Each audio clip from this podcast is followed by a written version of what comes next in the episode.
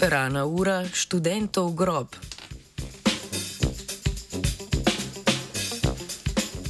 Pisano študentsko populacijo mnogovrstnosti njenih članov na vkljub v večini združuje vsaj en sentiment: nenaklonjenost vajam in predavanjem v zgodnih jutranjih urah. Pa bi lahko poiskali tudi racionalno utemeljitev to vrstnega prezira. Raziskovalke in raziskovalci z Univerze v Singapurju menijo, da ja. V študiji, objavljeni v reviji Nature Human Behavior, razkrivajo vpliv zgodnjega pouka na kvaliteto spanca in učni uspeh študentarije.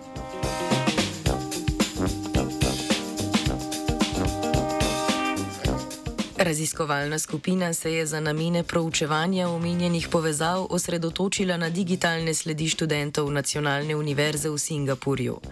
Prisotnost pri pouku so merili na podlagi analize prijav študentov v Wi-Fi omrežje univerze.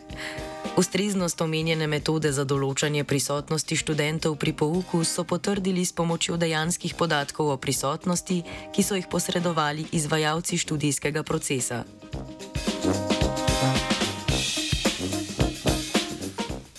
Ugotovili so, da je prisotnost pri urah, ki se začnejo ob 8, za 10 odstotkov manjša kot pri šolskih urah, ki se pričnejo ob 10.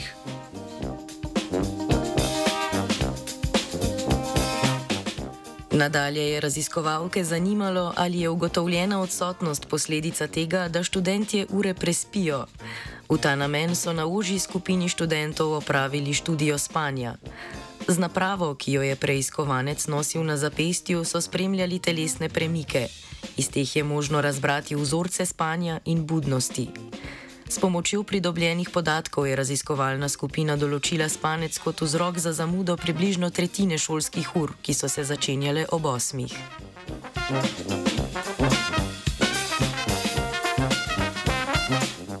Raziskovalna skupina je na to primerjala poprečne ocene pri predmetih, ki so se začenjali zgodaj zjutraj, z ocenami predmetov, pri katerih se je pouk pričenjal popovdne. Ocene se med seboj niso razlikovale.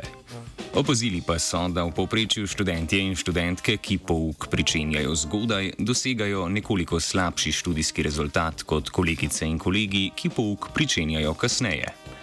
S pomočjo primerjalne analize velikega števila podatkov o aktivnosti v spletni učilnici univerze v obdobju petih semestrov je raziskovalna skupina razbrala, da imajo študentje z urniki v jutranjih urah bolj nekonsistenten spalni vzorec. Opazili so tudi, da v povprečju spijo manj, kar bi lahko bilo povezano tudi s slabšim študijskim uspehom.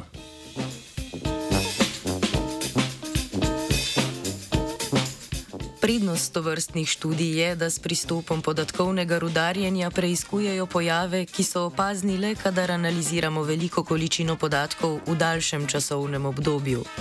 Ob interpretaciji rezultatov pa se je treba zavedati, da gre večinoma zgolj za opazovanje posrednih indikatorjev spanja, ki so v tem primeru vezani na akademsko aktivnost populacije.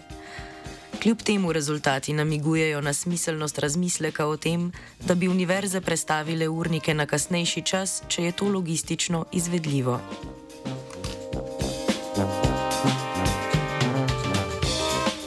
V predavalnici je zehal žiga.